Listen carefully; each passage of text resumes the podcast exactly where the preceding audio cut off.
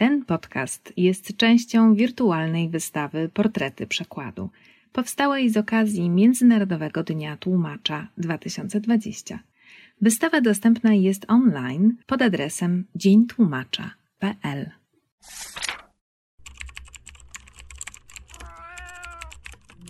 Na przykład podcast Stowarzyszenia Tłumaczy Literatury.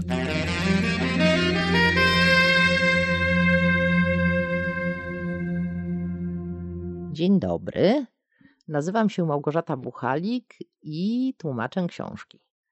Literaturę piękną rosyjską i białoruską, przeważnie prozę. Opowiem Wam o książce Władimira Kratkiewicza Dzikie polowanie króla Stacha.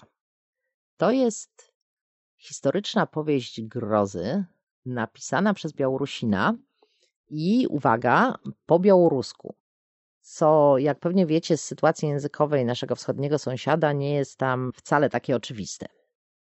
Książka nie została jeszcze wydana po polsku. Mam nadzieję, że to się wkrótce stanie. Ja tłumaczyłam ją bez żadnej umowy, raczej dla własnej frajdy, ale myślę, że polskiemu czytelnikowi powinna się i spodobać, i trochę go wkurzyć bo Dzikie polowanie króla Stacha to jest fantastyczne antidotum na trylogię Sienkiewicza. Karatkiewicz napisał Dzikie polowanie w 1958 roku, a umarł w połowie lat 80., czyli sporo z obecnie żyjących miało jeszcze okazję napić się z nim herbaty. Przy tym był człowiekiem, powiem to tak wzniośle, który położył fundament pod całą współczesną i literaturę, i ogółem kulturę białoruską. Jak to się stało? Otóż w latach 30. Białorusini stracili niemal całą swoją inteligencję. Wymordowaną m.in. w Kuropatach podczas czystek stalinowskich. Wraz z tą inteligencją stracili język inteligencji i język literacki.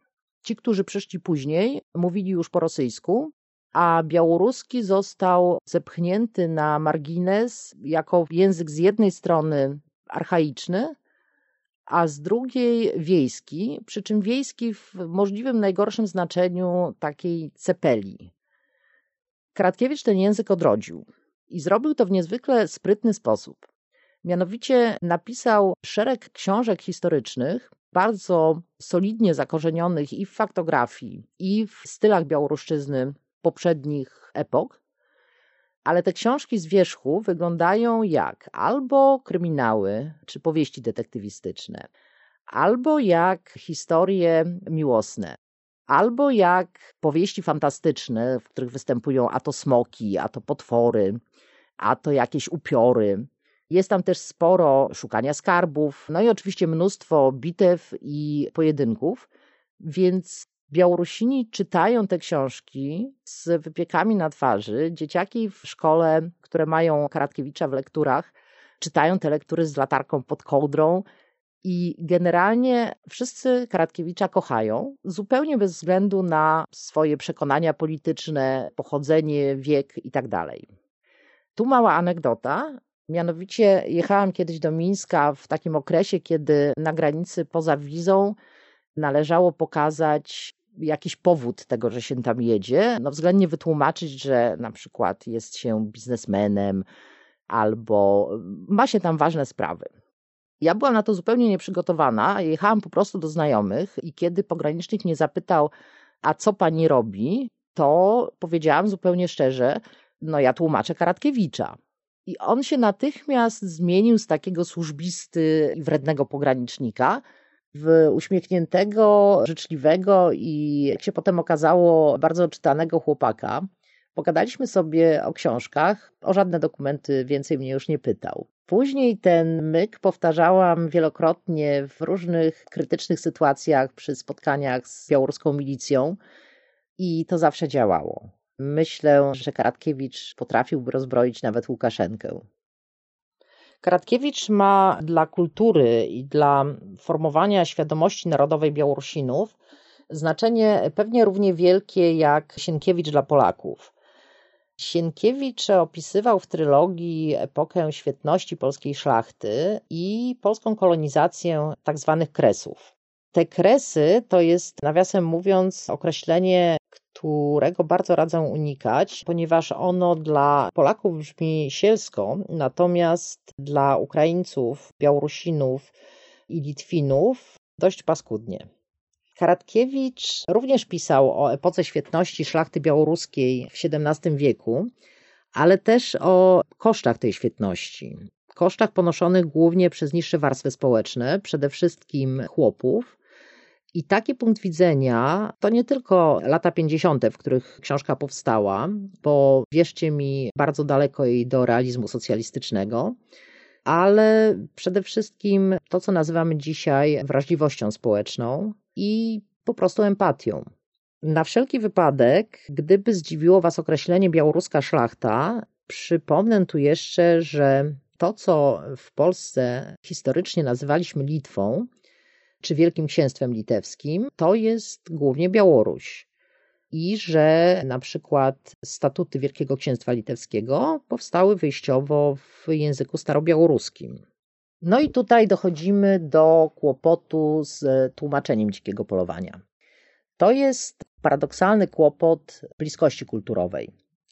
Polega na tym, że coś, co kiedyś stanowiło wspólnotę kulturową dla dwu czy więcej etnosów, zostaje w pewnym momencie znacjonalizowane przez te etnosy, które wykształciły się w narody. W literaturze oznacza to, że od tej pory my wzajemnie czytamy swoje teksty już przez pryzmat tożsamości narodowej i że usiłujemy znaleźć w nich i oddzielić to, co swoje, od tego, co obce. Karatkiewicz szczegółowo opisuje obyczaje tańce, stroje, szlacheckie dworki itd., tak itd., tak doskonale Polakom znane. Tyle tylko, że znane jako polskie. Podobnie jest z kluczową postacią dzikiego polowania, zaściankowym szlachcicem, rubasznym, mocarnym i opasłym, pijanicą i wielkim żartownisiem. Nie nazywa się on pan Zagłoba, tylko pan Dubatołk. Mówi po białorusku, nie uznaje polskich obyczajów, uważa, że są obce i teraz cios w samo serce, nosi coś, co Karatkiewicz opisuje jako nasz typowy strój starobiałoruski, mianowicie żupan i kontusz. Jak sami rozumiecie, w tej sytuacji tłumacz chodzi po polu minowym. Z jednej strony ma intencję autora bardzo ewidentną, żeby pokazać Białorusinom, że to jest ich dziedzictwo, i dlatego co drugie zdanie pisze nasze, białoruskie, starobiałoruskie i tak dalej. A z drugiej strony, no po prostu obawia się obrazy uczuć historycznych Polaków. Jak z tego wybrnęłam, to mam nadzieję, że wkrótce zobaczycie, kiedy książka wyjdzie.